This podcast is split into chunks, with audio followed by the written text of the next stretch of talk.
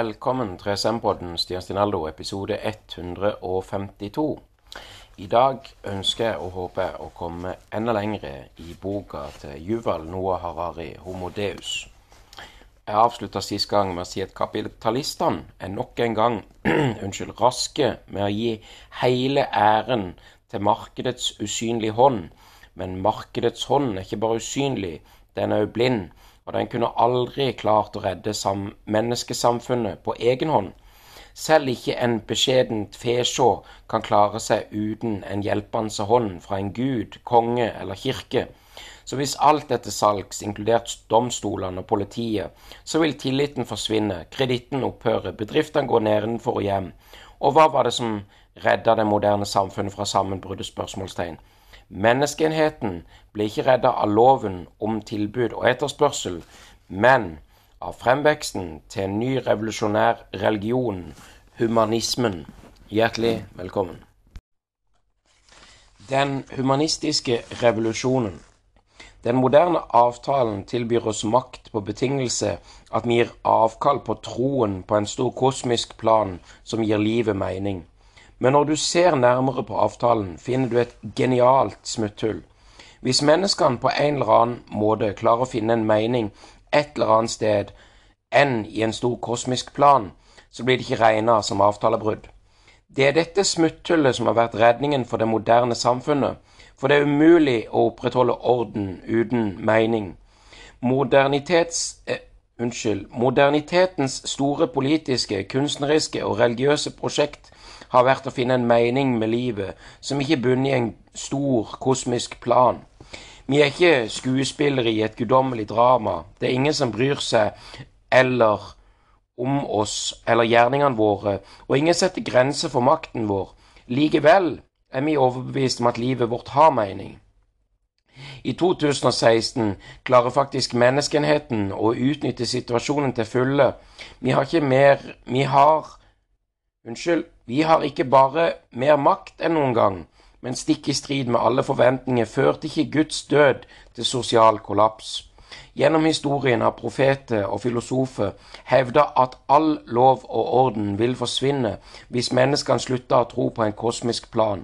I dag er det nettopp det som fortsetter å tro på Gud og hans altomfattende planer, som representerer den største trusselen mot global lov og orden. Det gudfryktige Syria er langt mer voldelig enn det astetiske Nederland. Hva er det som hindrer sosial kollaps hvis ikke det finnes noen kosmisk plan, og vi ikke er prisgitt Gud eller naturens lover?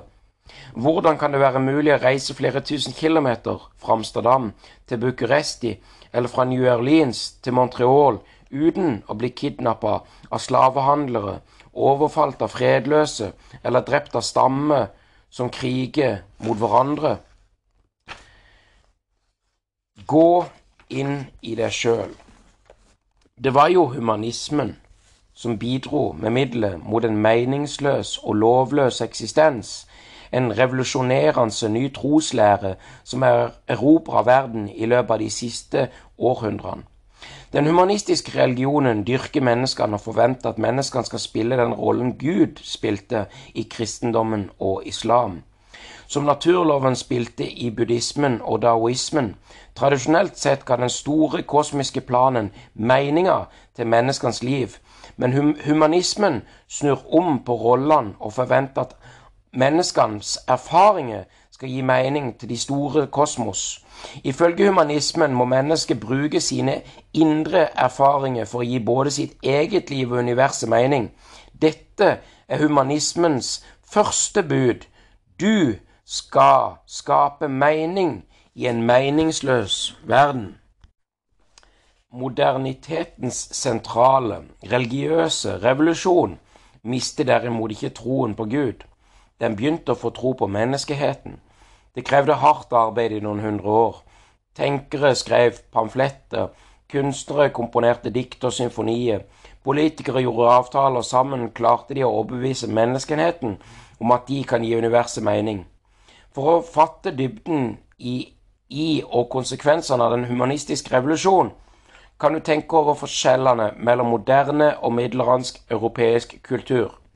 I 1300-tallet trodde ikke folk i London, Paris og Toledo at menneskene selv kunne avgjøre hva som var godt og vondt, hva som var rett og galt, eller hva som er vakkert og stygt.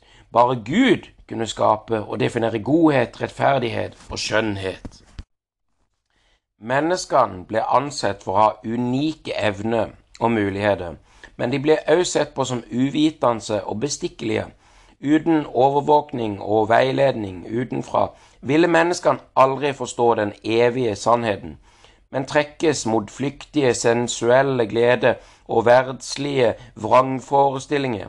Dessuten påpekte middelalderens tenkere at mennesket er dødelige, og at meningene og følelsene deres er like ustadige som vinden.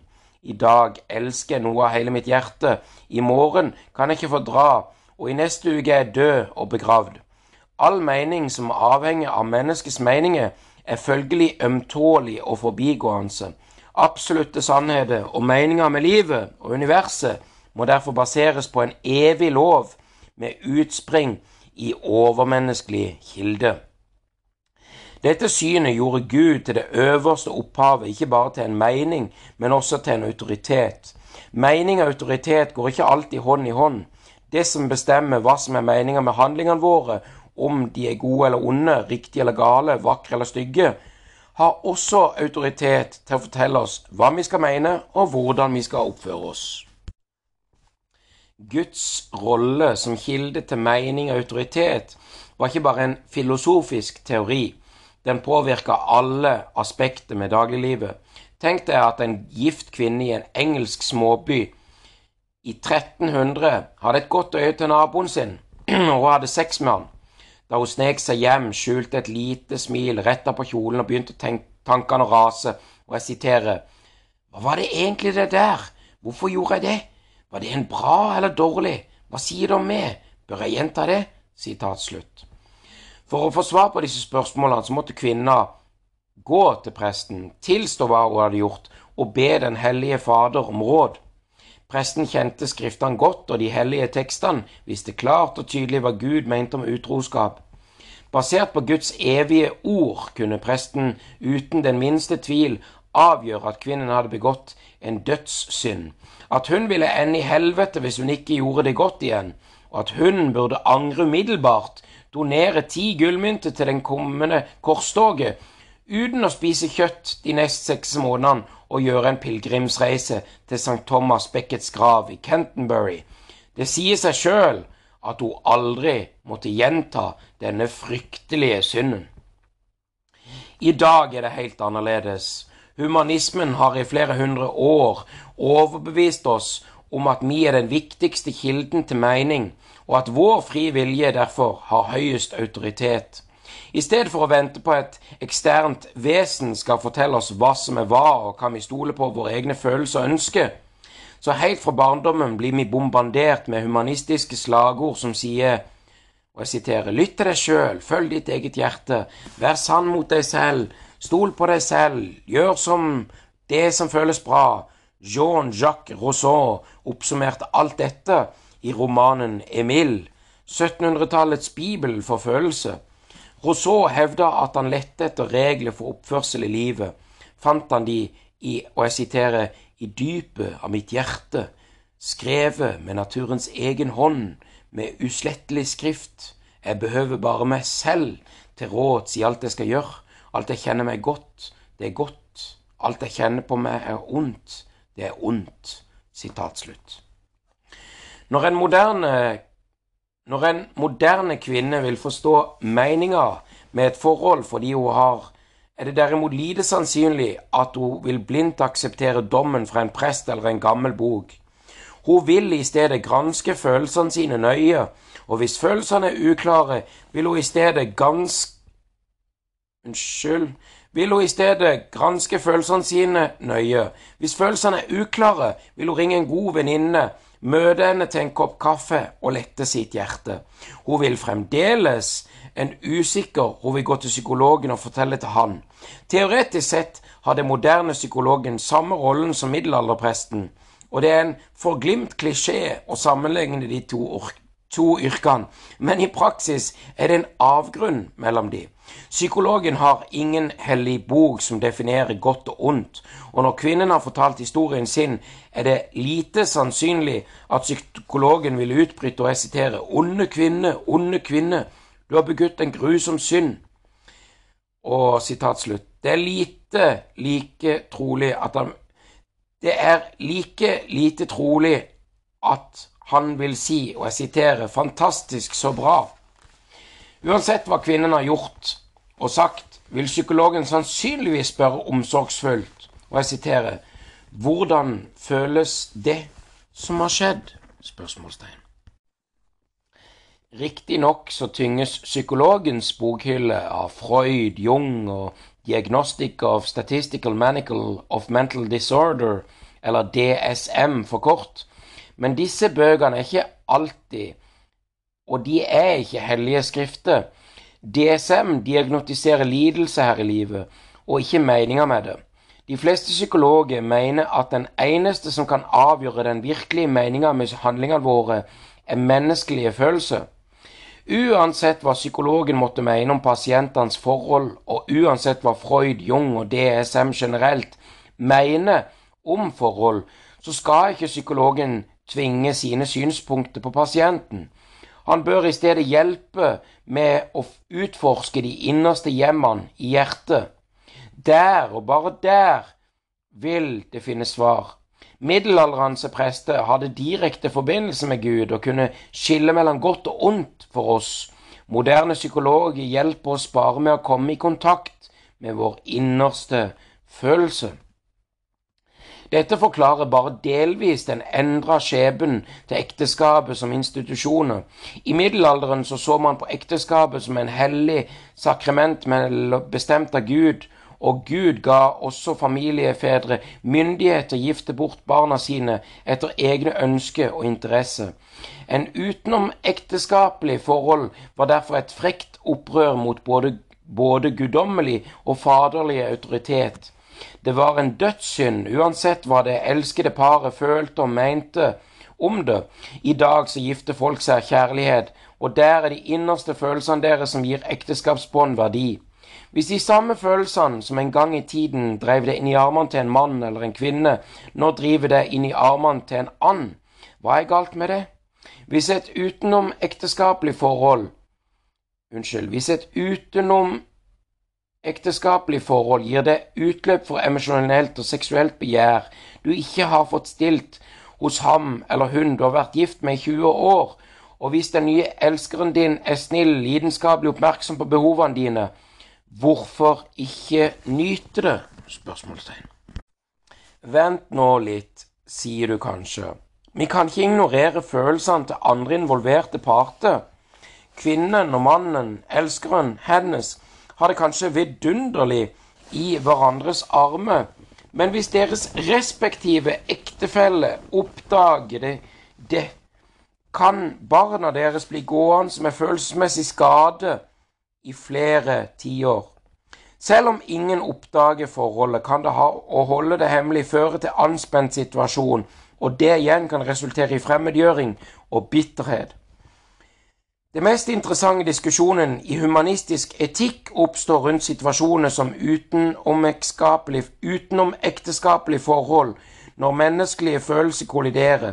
Hva skjer når en og annen handling får en person til å føle seg bra, og en og annen til å føle seg dårlig? Hvordan skal følelser vektes mot hverandre? Veier de gode følelsene til de elska paret tyngre enn de vonde følelsene til ektefellene og barna deres? spørsmålstegn. Det spiller ingen rolle hva du mener om akkurat dette spørsmålet. Det er mye viktigere å forstå argumentet til de ulike partene.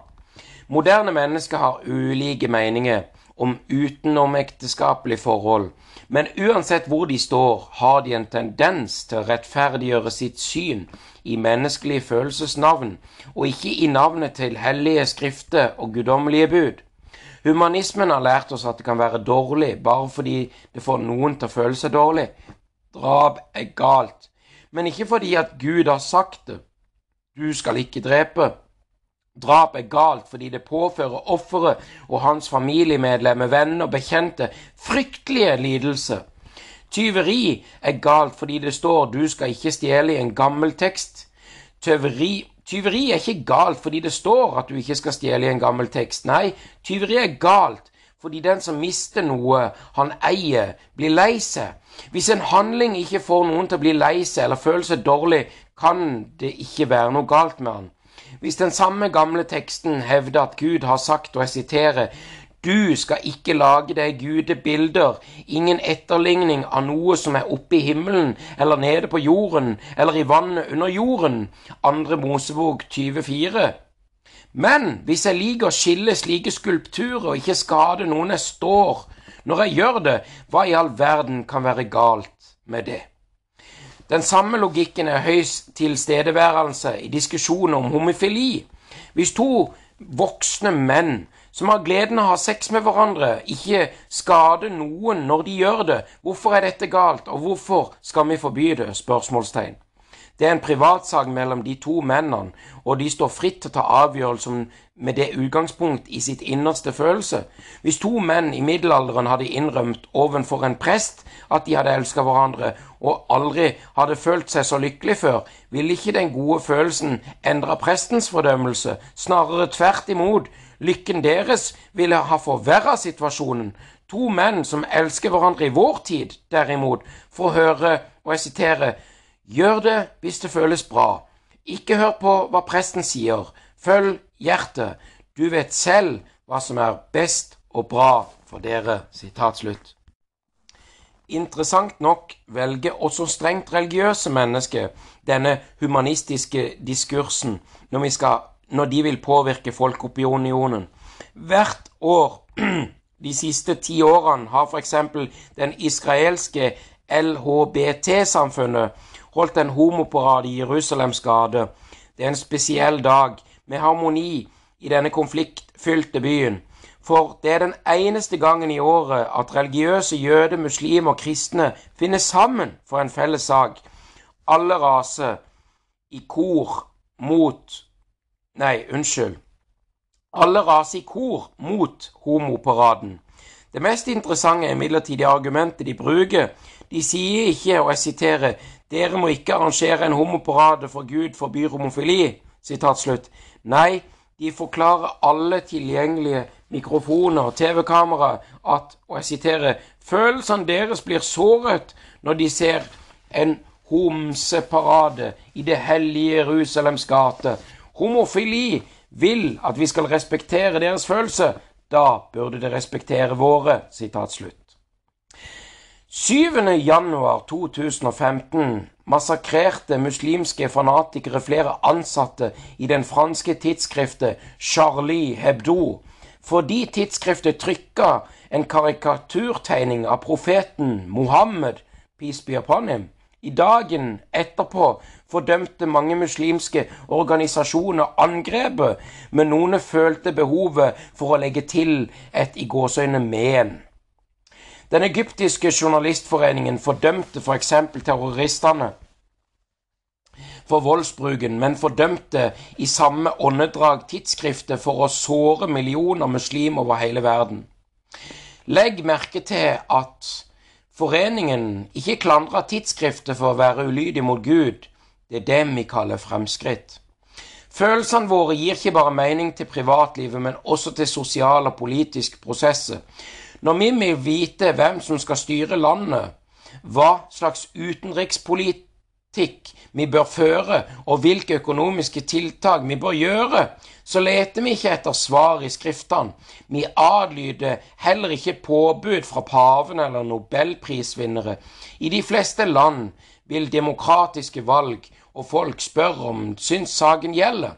Vi mener at velgerne vet best, og at enkeltpersoners frie valg er vår høyeste politiske myndighet.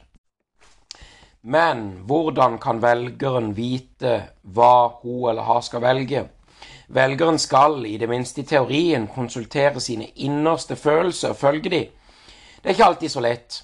Når jeg vil komme i kontakt med følelsene mine, som jeg filtrerer ut de tomme propagandaslagordene, endeløse løgnene til kyniske politikere, det forstørrende støyen fra beregnende profesjonelle talsmenn og uttalende til innleide forstå-seg-på-ere. Jeg må stenge all denne støyen ute og kun konsentrere meg om min autentiske indre stemme. Så hvisker min autentiske indre stemme meg i øret, og jeg siterer Stem på Cameron, stem på Modi, eller stem på Clinton, eller hvem det måtte være, og jeg krysser av for det navnet på stemmeseddelen. Det er sånn vi finner ut hvem som skal styre landet. I middelalderen ville dette blitt ansett som toppen av idioti. De flyktige følelsene til uvitende, ikke-adelige var ikke et solid grunnlag for viktige politiske avgjørelser.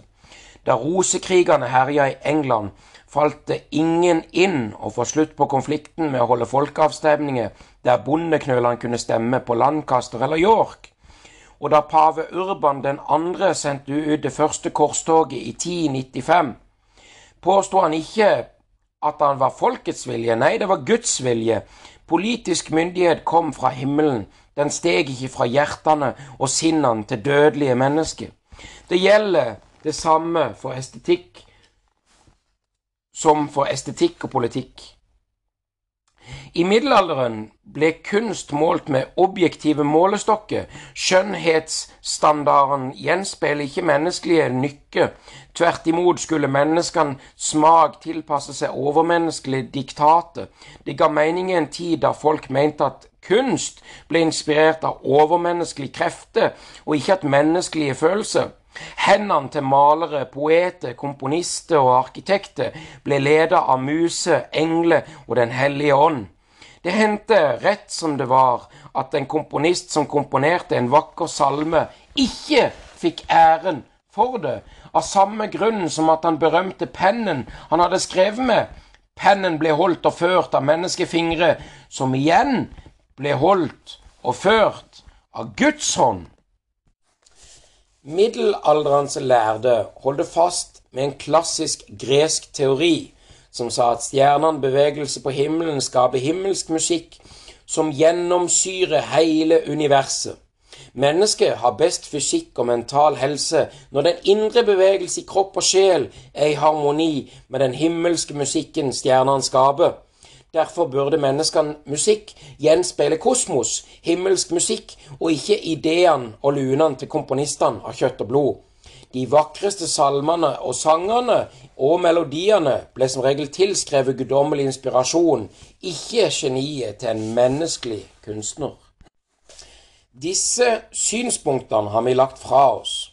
I dag så mener humanister at den eneste kilden til kunstverk og estetikk er menneskets følelse. Musikk blir skapt og bedømt av vår indre stemme, som verken trenger følge stjernenes rytme eller muse og engles ordre.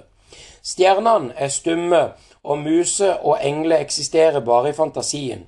Moderne kunstnere søker kontakt med seg sjøl og følelsene sine, ikke med Gud. Da er det ikke så rart at vi ikke lenger tror på objektive målestokker for vurdering av kunst. Også på dette området så venner vi oss til subjektive følelser, det humanistiske mottoet for etikk. Etikk er, og jeg siterer, hvis det føles bra, så gjør det. Sitat slutt. I politikken sier humanismen, jeg siterer, velgeren vet best. Sitat slutt. I estetikken sier humanismen, og jeg siterer, skjønnheten ligger i øyet som ser. Sitat slutt. Det betyr at det er fritt frem for hvordan man skal definere kunst. I 1917 så brukte Marcel Duchamp en vanlig masseprodusert urinal, ga tittelen Fontene, eller Fontenay. Signerte nederst burinalet, kalte det et kunstverk og stilte det ut i New York. I middelalderen så ville ikke folk gidda å krangle om det engang. Hvorfor kaste bort oksygen på sånt tøv? I den moderne humanistiske verden blir kunstverket til Duchamp ansett for å være en viktig kunstnerisk milepæl. I utallige klasserom over hele verden blir første, førsteårsstudenter i kunst vist et bilde av Duchamps fontene, og på tegn fra læreren bryter helsike løs. Det er kunst, Nei, det er det ikke. Jo, det er det. Ikke tale om. Og når studentene har fått sluppe ut litt damp, så strammer læreren inn diskusjonen med å spørre, og jeg siterer, Hva er egentlig kunst? spørsmålstegn. Og hvordan avgjør vi om noe er kunstverk eller ikke? Spørsmålstegn, sitat slutt. Etter ytterligere noen minutters diskusjon frem og tilbake, så styrer læreren klassen i riktig retning. Og jeg siterer Kunst er alt folk ser på som kunst, og skjønnheten ligger i øyet som ser. Sitat slutt. Hvis folk ser på et urinal som et vakkert kunstverk, så er det det. Hvis det er en høyere autoritet som kan forestille dem at de tar feil? Spørsmålstegn. I dag blir kopi av Duchamps mesterverk vist i noen av de viktigste museene i verden, som San Francisco Museum of Modern Art, National Gallery i Canada, Tate Gallery i London og Pompidou Center i Paris. Parentes, kopiene står utstilt i kunstsalene, ikke på toalettene. Parentes slutt. Slike humanistiske tilnærmingsmåter har også hatt stor innflytelse i økonomien. I middelalderen hadde man laug som kontrollerte produksjonsprosessen, og det var lite rom for de enkelte håndverkers og kundens initiativ eller smak. Snekkerlauget avgjorde hva som var en god stol, Bakerlauget definerte hva som var godt brød, og mestersanglauget bestemte hvilke sanger som var førsteklasses, og hvilke som var elendige. Prinse og byråd regulerte lønninger og priser og tvang imellom folk til å kjøpe en viss mengde vare til fastsatte priser det ikke nytta å forhandle om. På, moderne, på det moderne frie markedet er laugene, rådene og prinsene fortrengt av en ny overlegen autoritet. Kundens frie vilje. Punktum. Tenk deg at Toyota bestemte seg for å produsere den perfekte bil. Selskapet nedsetter en komité med eksperter fra ulike områder.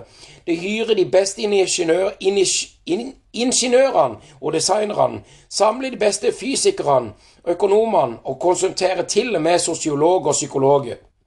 For å være på den sikre siden så tar de med en nobelprisvinner eller to, en skuespillerinne eller en skuespiller som har vunnet Oscar, og noen verdensberømte kunstnere. Og etter fem års forskning og utstilling avduger de den perfekte bilen. Det er produsert fem millioner av den, og bilbutikker over hele verden har fått den på plass. Og så er det ingen som kjøper bilen. Betyr det at kunden tar feil og ikke vet sitt eget beste? spørsmålstegn. Nei. I et fritt marked har kunden alltid rett, og hvis kunden ikke vil ha bilen, betyr det at han ikke er god. Det spiller ingen rolle om alle prester og mulla roper ut fra alle verdens prekestoler at det er en fantastisk bil. Hvis kunden ikke vil ha den, så er det en dårlig bil. Dårlig bil. Ingen har myndighet til å fortelle kunden at de tar feil, og Gud og Gud forby at en regjering skulle prøve å tvinge borgerne sine til å kjøpe en bestemt bil mot sin vilje. Dette gjelder ikke bare biler, men også alle andre produkter. Lytt f.eks. til professor Leif Andersson fra Universitetet i Uppsala. Han er spesialist på genetisk forbedring av gårdsdyr, som gjøres for å utvikle griser som vokser fortere melkekyr som produserer mer melk, og høns med mer kjøtt på beina. I et intervju med avisen Harads konfronterte journalisten Naomi Darom Andersen med det faktum at slike genetiske manipulasjoner kan påfyre dyrene store lidelser. Allerede i dag har i gåseøyne forbedra melkekyr så tunge dyr at de knapt kan gå, og i gåseøyne oppdaterte gåseøyne høns klarer ikke engang å stå på beina. Professor Andersen var klar i sin tale, og jeg siterer Alt avhenger av hva hver enkelt kunde ønsker, og hvor mye kundene er villige til å betale for kjøtt. Vi må huske at det, vil, det ville være umulig å opprettholde det nåværende globale kjøttproduktet forbruket uten forbedra moderne høns, og hvis kunden ber om å få billigst mulig kjøtt, så får de det. Kunden må bestemme seg for hva som er viktigst for dem.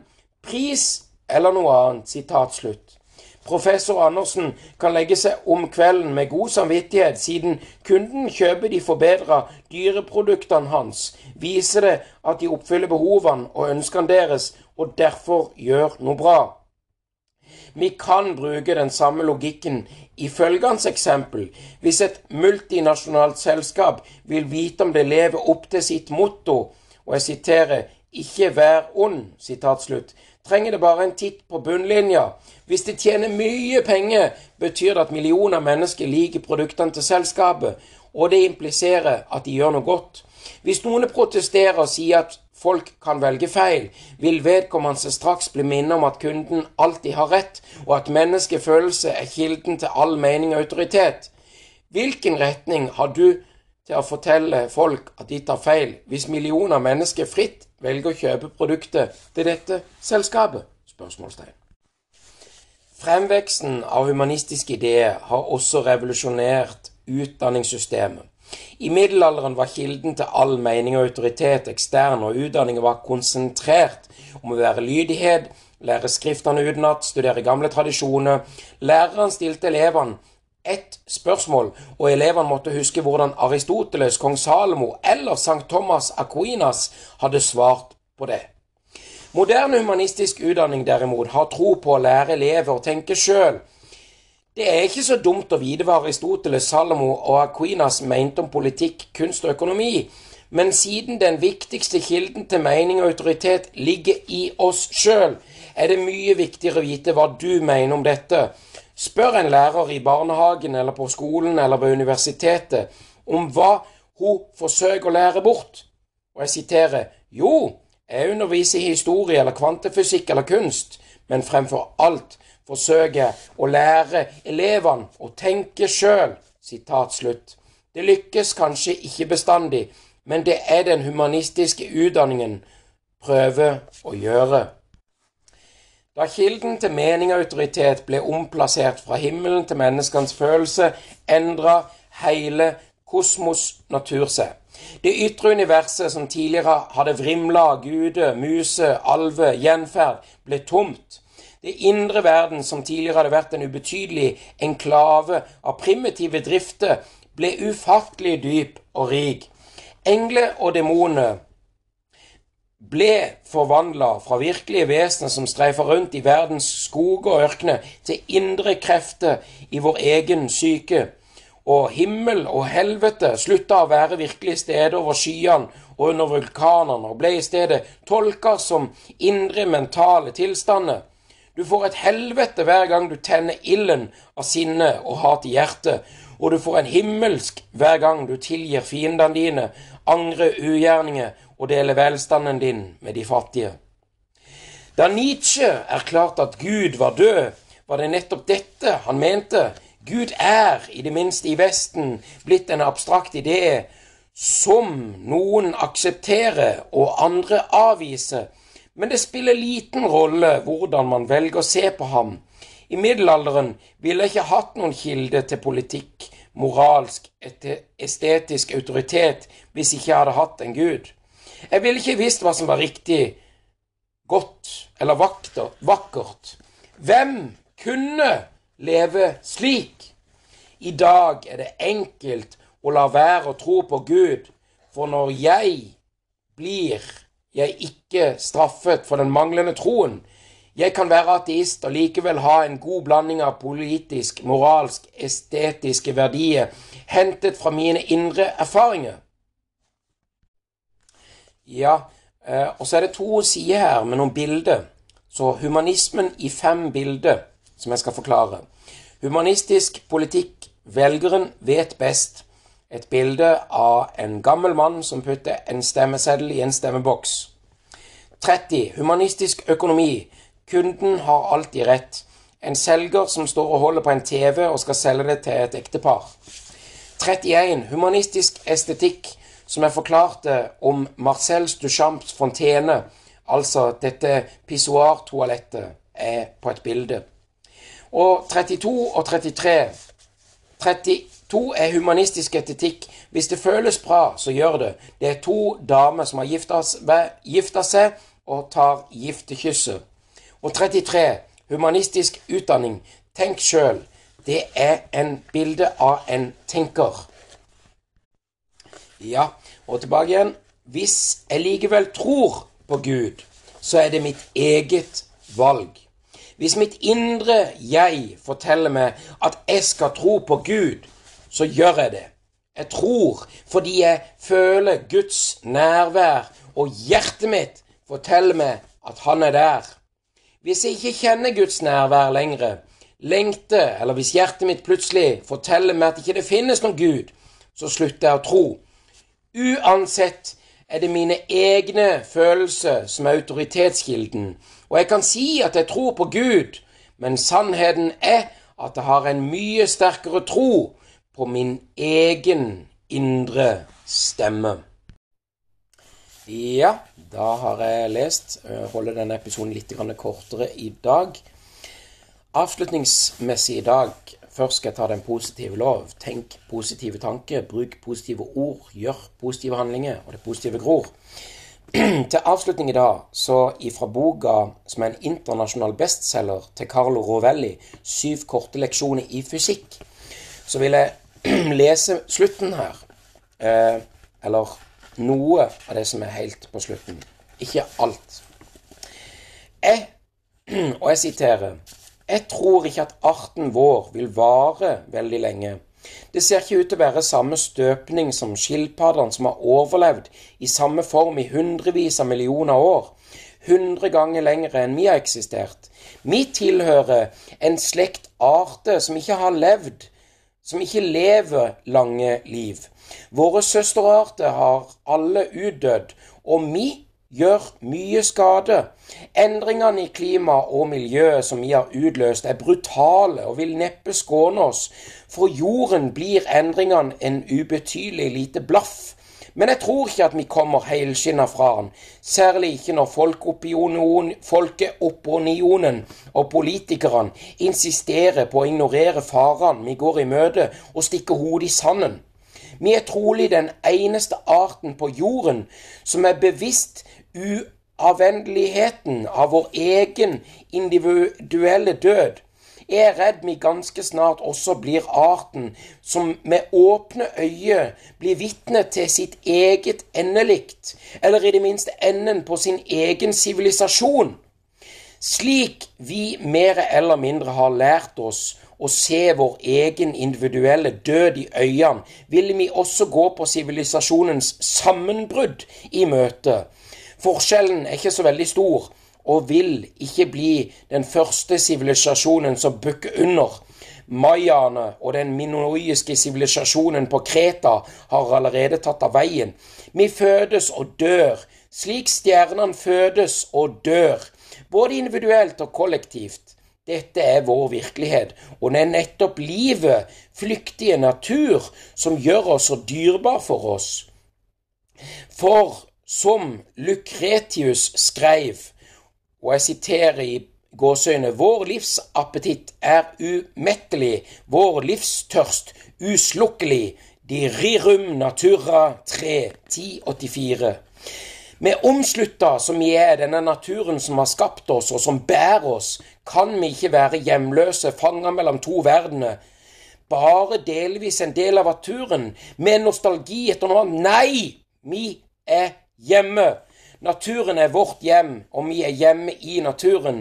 Den underlige, kalodoskopiske, forbløffende verden vi fortsetter å utforske, der rommet er kornete, tiden ikke finnes og tingene ikke befinner seg på et bestemt sted, er ikke noe som gjør oss fremmede for oss sjøl, men er bare vår egen iboende nysgjerrighet, viser oss av vårt eget hjem.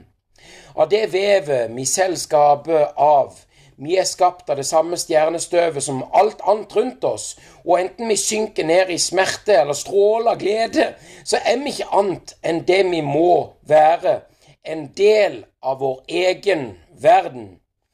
Lukretius formulerer det med utstøkte ord, og jeg skal sitere. Og så vet vi til sist at av himmelsk sæd er vi rundet. Alle har vi den samme far når vi, når vår fostermor jorden, mottar hans milde, befruktede regn, vil hun, svanger og yppig, vekke det spirende korn og alle trær og frodige vekster, hele menneskeslekten og alle arter av villdyr. Hun gir næring til alt, hun sørger for vekst og trivsel, så de kan leve hver efter sin lyst og avle sitt avkom. Vi elsker og er ærlige av natur. Av natur ønsker vi også å vite mer, og vi fortsetter å lære. Vår viten om verden fortsetter å vokse. Vi utforsker grenseland hvor vi lærer stadig mer, med en brennende tørst etter kunnskap. Disse grenselandene er rommets mest finmaskede vev, universets opprinnelse, tidens natur, den sorte hullens skjebne, våre egne tankefunksjoner. Og her på grensen av det vi vet, foran havet av alt det vi ikke vet, lyser verdens gåte, verdens skjønnhet, og det tar pusten fra oss. Takk. Folk kan hate, så kan jeg elske. Jeg elsker det. Instagrammen min ssshow2020. Nettsida mi 3sm.no. Du elsker.